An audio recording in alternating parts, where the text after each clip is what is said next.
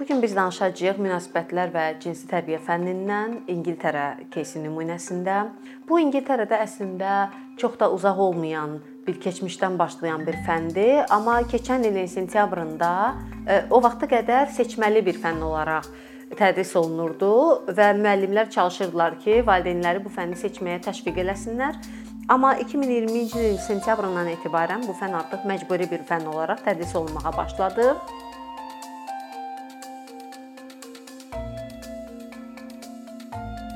3 hissədən ibarətdir. Birinci hissəsi münasibətlər adlanır. Münasibətlər fənni ibtidai siniflərdə öyrənilir və ibtidai siniflərdə bəzi baza mövzular uşaqlara öyrədilir. Yəni ailə nədir, dostluq nədir, yaxşı dost nədir, yaxşı ailə nə deməkdir, yaxşı valideyn kimdir? tipli suallar öyrədilir və ya valideynin vəzifələri, rol və vəzifələri nədir? Daha sonra ikinci hissəsi İngiltərədə secondary education adlanan, bizdə 5-11-ci siniflərə uyğun gələn hissəsi başlayır e, və bu adlanır münasibətlər və cinsi tərbiyə. Onun münasibətlər hissəsi ibtidai sinifdə keçirilən münasibətlərin davamı və daha dərinləşdirilmiş formasıdır. Cinsi tərbiyə hissəsi isə əslində uşaqlara, şagirdlərə yeni olan bir mövzudur və orada cinsəlliyin fiziki, emosional, sosial, psixoloji və s. tərəfləri şagirdlər üçün ümumi şəkildə məlumat verilir bunlarla bağlı. Bu fənnin 3-cü hissəsi isə health education adlanır. Yəni sağlamlıq e, tədrisi e, fiziki və mental sağlamlığın hər ikisini ehtiva edir öz içərisində e, və bu keçirilir ibtidai siniflərdə və orta məktəbin siniflərində və yalnız dövlət tərəfindən maliyyələşən dövlət və özəl məktəblərdə tədris olunur. Digər münasibətlər və münasibətlər və cinsi tərbiyə fənni bütün məktəblərdə istisnasız olaraq bütün məktəblərdə keçirilməlidirsə, sağlamlıq haqqında olan fənn isə sadəcə dövlətin maliyyələşdirdiyi məktəblərdə keçilir. Fənnin məcburi olmasına gəlincə, əvvəllər bu fənn e, könüllü idi seçimi, amma müəllimlər çalışırdılar ki, valideynlərə fənn haqqında daha detallı məlumat versinlər, fənnlə bağlı stereotipləri qırsınlar və daha çox insanı bu fənni seçməyə təşviq eləsinlər. Amma fənn məcburi olduqdan sonra isə onun cinsi tərbiyə hissəsi ilə bağlı yenə də bəzi narazılıqlar var idi cəmiyyətdə. Buna görə də bunları həll etmək üçün də qərar bu şəkildə qəbul olundu ki, ibtidai sinifdə olan münasibətlər hissəsi hər kəs üçün məcburidir. 5-11-ci sinifləri bizim dildə secondary education-ı əhatə edən münasibətlər və cinsi tərbiyə hissəsində münasibətlər hissəsi yenə də məcburidir. Cinsi tərbiyə hissəsi isə şagird 16 yaşından aşağıdsa, valideyn onun bu dərsi almasını qadağan eləyə bilər, uzaqlaşdıra bilər övladını bu dərsdən. Amma e, dərsin sırf elmə əsaslanan hissələrini, yəni bioloji bilgilər verən hissələrindən uzaqlaşdıra bilməz. Məsələn, o dərsə daxildir ki, yetkinləşdikcə, yeniyetməlik dövründə insan bədəni, qadın və kişi bədəni hansı dəyişikliklərə məruz qalır? Bu hissədən çıxarda bilməz valideyn öz övladını. Amma digər daha detallı məlumatlar hissəsindən çıxarda bilər, yəni imtina edə bilər. İngiltərədəki təhsil departamenti fənn e, e, keçilməyə başlamazdan öncə, məcburi şəkildə keçilməyə başlamazdan öncə bəzi məqamları e, diqqətə almağı məktəblərdən tələb etdi. Bunlardan birincisi inklüzivlikdir. İnklüzivlik dedikdə onlar fərqli-fərqli keçmişlərdən, mədəniyyət keçmişindən, dini inanc və ya həyat tərzi keçmişindən gələn insanların dərs keçirilərkən hamısının sinifdə təmsil olunma haqqının təmin olunmasına diqqət yetirilirdi. Ümumi proqram təhsil departamenti tərəfindən bütün ölkəyə verilir. Məhz kurikulumun hansı şəkildə tutulacağını isə məktəblərin özü təyin eləyir və məsələn dini məktəblərdə onlar deyirdilər ki, siz cinsi tərbiyədən danışanda, cinsəllikdən, cinsi həyatdan və ya cinsi sağlamlıqdan danışanda siz orada din aspektindən bu hansı şəkildədir, onu da izah eləməlisiniz. Və ya deyək ki, bir sinifdə hər hansı bir müsəlman şagird varsa, azlıqdadsa, deyək ki, 20 nəfər, 30 nəfərlik bir sinifdir, onun ikisi müsəlmandır. Mütləq onların da inanclarını əks etdirəcək bir şəkildə bu mövzularda məlumat verməlisiniz. Yəni hansısa bir qrup sinifdə mövzulardan kənarda qalmamalıdır. İkinci bir tərəf bərabərliklə bağlı məsələdir. Siniflərdə fərqli-fərqli kateqoriyalara, qruplara aid elə biləcəyimiz uşaqlar təmsil olunur. Məsələn, fiziki məhdudiyyətli uşaqlar ola bilər, öyrənmə çətinliyi olan uşaqlar ola bilər və ya LGBTQI+ şagirdlər ola bilər. Ona görə də bu dərslərdə xüsusilə də həssas mövzuların müzakirə olunmasında, məsələn, bu dərslərə bullying kimi, cinsi orientasiya kimi həssas mövzuları müzakirə edərkən həmin şagirdlərin özlərini ifadə edərkən daha sonradan hər hansı bir qısnamaya, bullyingə, psixoloji təzyiqə məruz qala bilmə ehtimalını nəzərə alaraq bərabərliyin qorunmasına, həmin şagirdlərin təhlükəsizliyinin qorunmasına xüsusi diqqət olunur. Bu fənlərdə olunmalıdır. Yəni fənnin təhlükəsiz bir şəkildə tədris oluna bilməsi üçün Təhsil departamenti tərəfindən qoyulan 3-cü tələb isə mövzuların şagirdlərin yaş və qavrama səviyyəsinə uyğun, dünya görüşü səviyyəsinə uyğun, eyni zamanda da get-gedə artan, get-gedə ağırlaşan şəkildə tədris olunmasıdır. Məsələn, ailə nə deməkdir mövzusu? İbtidai sinifdə də, yəni münasibətlər fənni tərkibində də eyni zamanda münasibətlər və cinsi tərbiyə fənni tərkibində də müzakirə olunur. Tamamilə eyni mövzu, amma ikinci dəfə artıq bu müzakirə olunanda daha detallı, daha dərin bir şəkildə tələbələrə bundan bağlı, şagirdlərə bundan bağlı məlumat verilir. İndi isə mən sizə həmin fənlərin tərkibi haqqında məlumat vermək istəyirəm. İlk növbədə ibtidai siniflərdə keçilən münasibətlər fənnindən danışacağam. Münasibətlər fənnində onların əsas əhatə etməyə çalışdığı mövzular şagirdlərə sosial həyatla, sosiallaşmaqla, insan münasibətləri ilə bağlı təməl məlumatları, sağlam münasibətlər necə olmalıdır haqqında məlumat verməkdir. Bu arada qeyd edeyim ki, bu dərslərdə əslində əsas müəllim çıxış eləmir, müəllim bu şəkildə olmalıdır demir. Dərslər müzakirə əsasında təşkil olunur. Burada adətən əhatə olunan mövzular hansılardır? Ailə nə deməkdir? Ailə bizə niyə lazımdır? Ailə çünki şagirdlərin təhlükəsizliyini təmin eləyir, stabil həyatını, sağlam e, mühitdə böyüməsini təmin eləyir. E, münasibətlər nədir? Dostluq nədir? Kimi yaxşı dost hesab eləyə bilərik? E, dostluqda hansı kriteriyalar vacibdir? Məsələn, sədaqət vacibdir, dürüst olmaq vacibdir, konflikt management, yəni konfliktlərin idarə olunması önəmlidir. Kimi məsələlər müzakirə olunur. Daha sonra qarşılıqlı hörmətə əsaslanan münasibət necə olmalıdır mövzusu müzakirə olunur. Başqalarının sərhədlərinə hörmət eləmək və özünün sərhədlərini mütləq qorumaq. Məsələn, self respect deyirlər buna ingilis dilində, öz hörmət kimi tərcümə eləyə bilərik bizim dilimizə. Öz hörmət məsələsi çox müzakirə olunur burada. Öz hörməti təmin eləməyin vacibliyi və eyni zamanda da başqalarına hörmət eləməyin vacibliyi haqqında danışırlar. Burada bu fəndə xüsusilə diqqətimi çəkən məqamlardan biri odur ki, hər hansı bir problemli situasiya görəndə şagirdlərə ən çox təlqin olunan şeylərdən biri bunu mütləq və mütləq kömək ala biləcəkləri insanlara məlumat verməkdir. Bu ailə ola bilər, müəllimlər ola bilər və ya güvəndikləri hər hansı böyüklər ola bilər. Həmçinin şagirdlərə onlayn mediada, onlayn dünyada, virtual dünyada təhlükəsizliklə bağlı çox əhəmiyli məlumatlar bildirirlər, hansı ki, çox vacibdir. E, kiçik yaşlı, az yaşlıların bunu öyrənməsi. E, məsələn, onlara bildirirlər ki, virtual dünyada hər kəs əslində həmişə olduğu kimi olmur. Bəzən insanlar başqasının başqası kimi olmadıkları bir insan kimi özlərini təqdim edə bilirlər. E, virtual dünyada paylaşılan bir məlumatın yayılma ehtimalı nə qədər yüksəkdir və sonra onu oradan silmək nə qədər çətindir. Bunlar haqqında uşaqlara məlumat verilir. Eyni zamanda da işin hüquqi tərəfləri haqqında uşaqların yetkinlik səviyyəsinə uyğun, başa düşəcəyi səviyyəyə uyğun məlumatlar verilir. Məsələn, bildirilir ki, hətta azyaşlının özünün razılığı ilə olsa belə ona aid bir e, açıq şəkil paylaşılırsa, intim bir foto və ya video paylaşılırsa, özünün razılığı ilə olsa belə e, bunu paylaşan tərəf cinayət məsuliyyəti daşıyır. Yəni cinayət məsuliyyətinə cəlb olunur.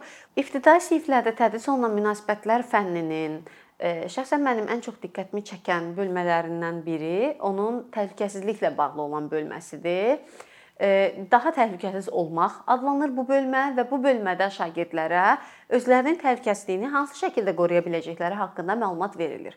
Məsələn, oradakı punktlardan biri belədir ki, əgər özünüzü hər hansı bir böyüklə narahat və ya pis hiss eləyirsinizsə, o zaman bu bu situasiyanı necə idarə etməli, necə düzgün və təhlükəsiz şəkildə reaksiya verməli, kimlərə bildirməli və hara müraciət etməli.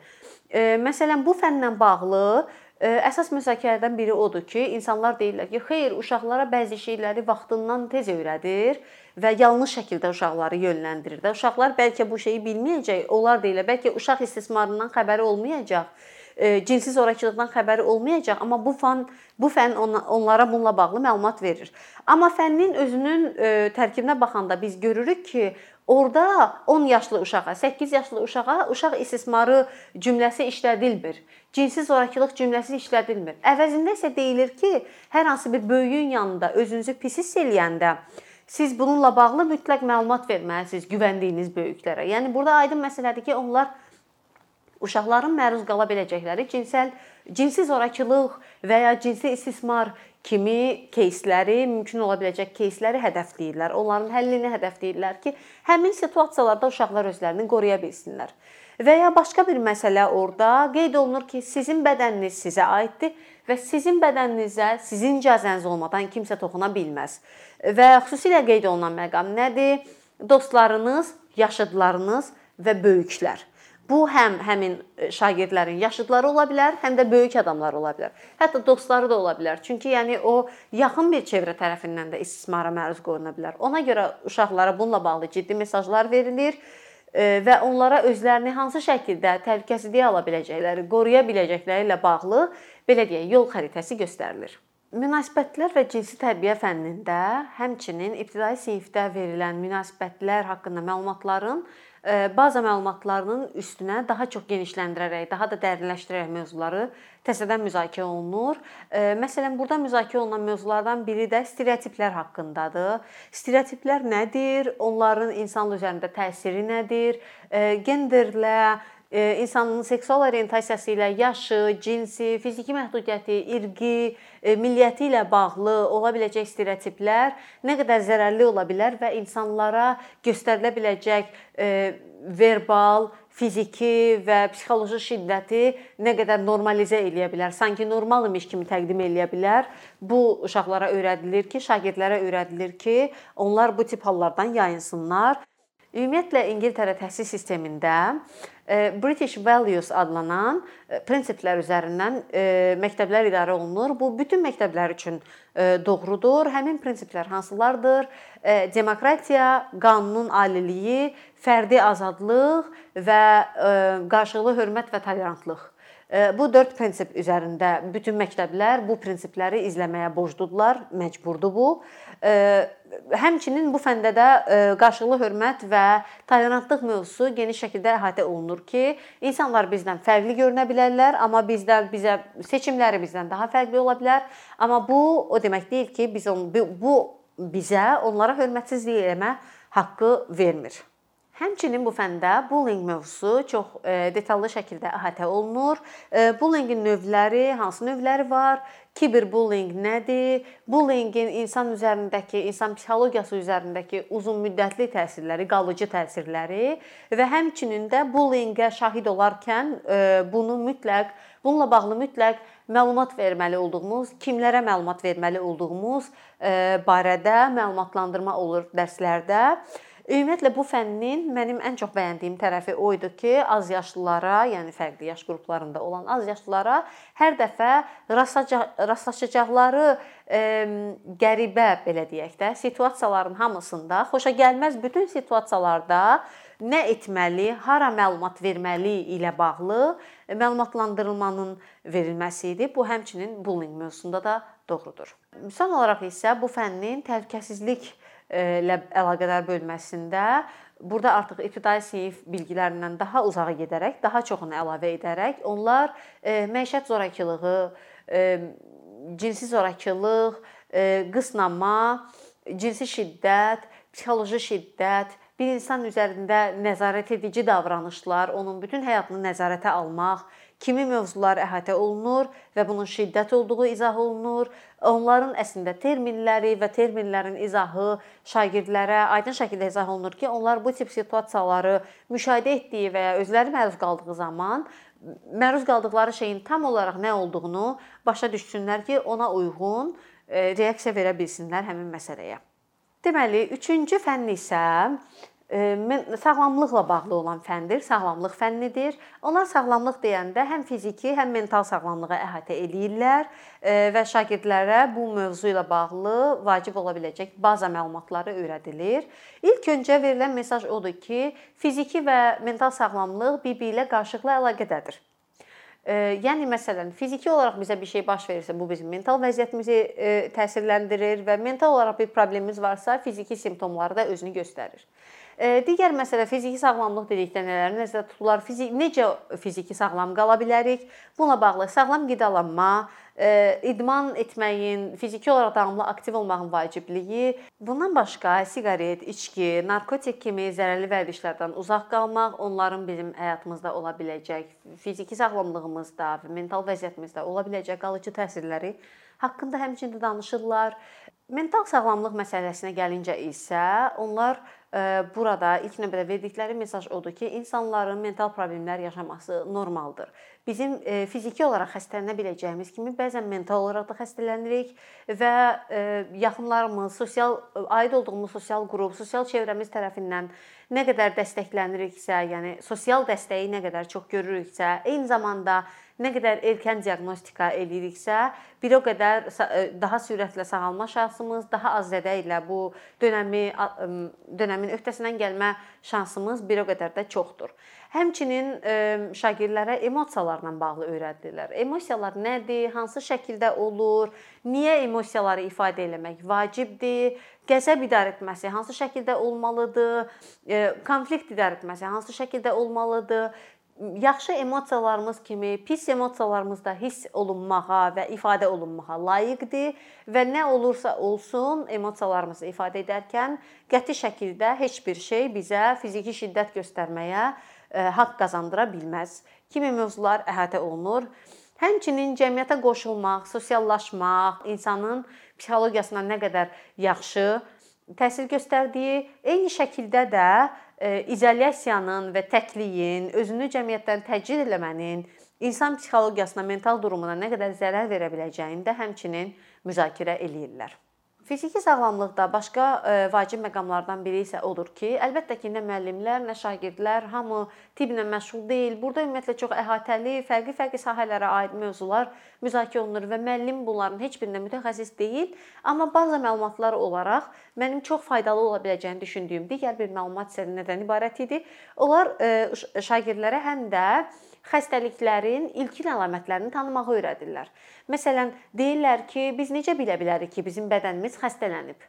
Əgər kəskin çəki itiririksə, dərimizin rəngi solmağa başlayırsa, saçlarımız tökülürsə, ümumi əzginlik, yorğunluq və qıcıqlanma kimi hallarımız varsa, yəni bədənimizdə, orqanizmimizdə kəskin dəyişikliklər baş verirsə, bu hansısa xəstəliyin xəbərçisi ola bilər, bir xəstəliklə bağlı məlumat bizə vermək istəyə bilər bədənimiz və erkən diaqnostika, daha sürətlə sağalmaq, daha yüngül müalicə və daha az stress demək olduğu üçün bunun şagirdlərə öyrədilməsinin onlar üçün çox faydalı olduğunu düşünürəm. Növbəti bölmə olaraq müəllimlərə bu fənni keçərkən hansı e, yol xəritəsinin, ipuclarının verilməsi ilə bağlı danışmaq istəyirdim. Aydın məsələdir ki, bu fənn indiyə qədər məcburi olmadığı üçün, könüllü seçim olduğu üçün e, müəllimlərlə fərqli-fərqli e, mövcud sinflə, auditoriyası ilə işləmək çox daha rahat idi. Amma artıq məcburi olduğu üçün, yəni hamı fənnə daxil olduğu üçün, fənn daha inklüziv olduğu üçün artıq müəllimdən daha çox bacarıqlar istəyir ki, bu fənni keyfiyyətli bir şəkildə tədris edə bilsin. E, müəllimlərə verdikləri ipuclarından ən birincisi ilk öncə özləri ilə işləmək barəsində idi. E, məsələn, müəllimlərə deyirdilər ki, sizin müəyyən mövzularla bağlı yanlış təsəvvürləriniz ola bilər və ya özünüz özünüz bu mövzu ilə bağlı travmatizə olmuş ola bilərsiniz. Ona görə çox xüsusi diqqət etmək lazımdır ki, ilk öncə özümüzün bununla bağlı düşüncələrimizi inkişaf elətdirək, özümüz e, qərar verək ki, biz bu mövzuda obyektiv e, fikir səsləndiririk, bir tərəf olmuruq. Yalnız ondan sonra biz e, şagirdlərə də bunu tədris edə bilərik. Digər bir məsələ isə müəllimlərə e, hər şeyi bilmək məcburiyyətində olmamaqları ilə bağlı verilən mesajdır. E, müəllimlərə e, bu fənn onsuz da kifayət qədər çətin, geniş mövzuları əhatə edən və cəmiyyətdə həssas mövzuların azyaşlılarla müzakirə olunduğu bir fənn olduğu üçün aydın məsələdir ki, məktəblər bu fəndə çox həssaslıqla yanaşırlar. Ona görə müəllimlərə bildirilir ki, əgər şagird sizə sizi belə deyim, çaşdıracaq, dəqiq qərar verə bilməyəcəyiniz, aydın cavabınız olmayacağı suallar verirsə, o zaman mən bu sualın cavabını bilmirəm deməyi seçin. Yanlış fikir formalaşdırmaqdansa cavabı bilməməyinizi demək çox daha e, düzgün reaksiya forması olar. Üçüncü bir məsələ isə bu fənlə bağlı e, həm də müəllimlərə deyirdilər ki, tövsiyə xarakterli deyilən bir şey var idi ki, bütün siniflə eyni anda işləmək əvəzinə tövsiyə olunur ki, kiçik qruplarla, 3 nəfərlik, 4 nəfərlik qruplarla, yəni eyni bir sinfi fərqli-fərqli qruplara bölün, kiçik qruplara və o qruplar öz aralarında müzakirələri təşkil etsinlər. E, çünki məsələn yenə də sinifdə həssas qruplar ola bilər və ya həssas mövzuları müzakirə etmiş ola bilərlər və şagirdlərə yaşlarının az olmasını nəzərə alaraq hamının qarşısında, bütün sinifin qarşısında bunu müzakirə etmək həm narahat ola bilər, həm də sonra onları bullyingə, istismara daha açıq hala gətirə bilər deyə ona görə də müəllimlərə bu məsələlərdə mümkün qədər həssas olmağı bildirirdilər və son olaraq isə Müəllimlərə qeyd olunan e, şey o idi ki, öz fikrinizi şagirdlərə təlqin eləməyin. Əksinə sinifdə müzakirə olunmasını təmin eləyin və siz o müzakirədə fasilitator rolunda çıxış edin. Yəni şagirdlər özləri müzakirə eləsinlər, özləri fərqli mövzuların e, şərhini versinlər, nə düşünürlər bu məsələ barədə və sonra siz müzakirəni toparlaya bilərsiniz. Amma özünüz birbaşa hansısa fikirləri onlara təlqin eləməyin. Bayaqdan müzakirə etdiyimiz mövzulardan da göründüyü kimi, bu mövzuların bir çoxu e, bizim kontekstimiz Azərbaycan üçün də kifayət qədər həssas mövzulardır. Ona görə də bu fənnin şəxsən mən təhsil sahəsində olan bir mütəxəssis olaraq düşünürəm ki, bu fənnin Azərbaycanda da keçilməsi həddən artıq vacibdir. Hansı mövzuları əhatə etmək, hansı şəkildə əhatə etmək, sinifləri hansı şəkildə e, bölmək və ya qruplaşdırmaq, deyək ki, dizayn eləmək kontekstə uyğun olaraq Azərbaycan kontekstinə və Azərbaycanın fərqli-fərqli ərazilərində kontekstə uyğun olaraq tənzimlənə bilər. Məsələn, Bakıda və bölgələrdə situasiyalar fərqli ola bilər. Amma minimal bir şeylərin bu sahədə olunmalı olduğunu mütləq düşünürəm. Çünki burada adı belə deyək də insanları daha çox qorxutduğu üçün, cinsi tərbiyə olduğu üçün adı, əslində isə gördüyünüz üzə, gördüyünüz şəkildə cinsi tərbiyə deyildikdə onların daha çox nəzərdə tutduğu şey e, şagirdlərin, azyaşlıların təhlükəli situasiyalara düşə bilmələrinin qarşısını almaqdır.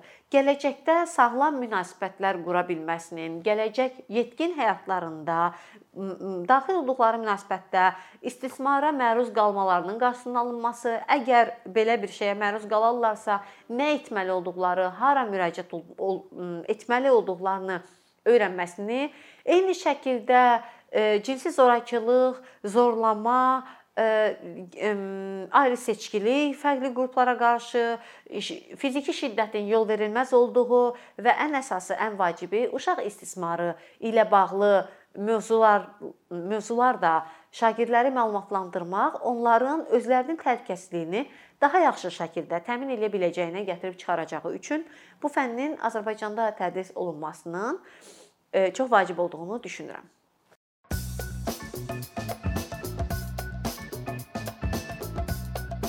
Bir neçə ildir ki, əkinçi olaraq Azərbaycanlı izləyicilərin hər zaman faydalana biləcəyi keyfiyyətli və ən əsas ödənişsiz kontent hazırlamağa çalışırıq. İndiyədək təqdim etdiyimiz onlarla animasiya və yüzlərlə çəkilişlər tələbələrin, mütəxəssislərin, müəllimlərin və ümumiyyətlə yeni mövzulardan xəbərdar olmaq istəyən çox sayda insanın marağına səbəb olub. Bu illər ərzində hazırladığımız videolar təhsil, texnologiya, ictimai fəallıq, iqtisadiyyat, gender bərabərliyi, ətraf mühit, ifadə azadlığı, hüquq, demokratik inkişaf, mədəniyyət və digər mövzuları əhatə edib. Məqsədimiz çoxlu baxış gətirən deyil, çoxlu fayda gətirən videolar hazırlamaqdır. Amma bu düşündüyümüz qədər asan deyilmiş. Gördüyümüz iş kifayət qədər resurs, əmək və təbii ki, davamlılıq tələb edir. Bu səbəbdən Patreon platformasından istifadəyə başladıq. Əkinçinin Patreon hesabının populyarlaşmasına çox böyük ümidlərimiz və gözləntilərimiz var. Bəziləriniz Patreon haqqında ilk dəfə eşidirsiniz. Əslində çox sadə izahı olan bir platformadır. Təsəvvür edin ki, siz rəssam və ya musiqiçisiniz. Sosial şəbəkələrdə sizi izləyən, işinizi bəyənən çox sayda insan var. Patreon platforması sizə imkan verir ki, izləyicilərinizin könüllü aylıq ödənişləri sayəsində işinizi davam etdirəsiz. Sərgi, konsert zallarından asılı qalmayasınız. Amma bu təkcə rəssam və musiqiçilərə aid deyil. Məsələn, əkinçiyə bənzər fəaliyyətlə məşğul olan bəzi layihələrin 10 minlərlə patronu var. Biz də düşündük ki, nə üçün əkinçinin Patreon hesabı olmasın? Sizin dəstəyiniz sayəsində biz daha çox və daha keyfiyyətli kontent yaratmağa davam edə biləcəyik. Amma bu dəstək yalnız maddi dəstək deyil. Dəstəkçilərimizin sayının artması gördüyümüz işlərin faydalı olduğuna dair əminlik verir. Patreon platformasından istifadə çox sadədir. Hesabınızı açırsınız, sizə uyğun dəstək növünü seçirsiniz və Patreon özü hər ayın ilk günü kartınızdan seçdiyiniz dəstək növünə uyğun ödəniş tutur. Bu qədər. Sonda onu demək istəyirik ki, dəstəkçilərin sırasına qoşulmaq istəyən, amma məhdud imkana görə bunu edə bilməyənlər narahat olmasın. Daha öncə dediyimiz kimi, bizim əsas məqsədimiz daha çox insanın hər zaman faydalana biləcəyi keyfiyyətli və ödənişsiz kontentin yaradılmasıdır. Bunun üçün mütləq patronumuz olmalısınız deyə məcburiyyət yoxdur. Amma imkanınız patron olmağa çatırsa və bizim işimizi bəyənirsinizsə, patronlarımızın sırasına qoşulmağınız bizim üçün çox önəmlidir.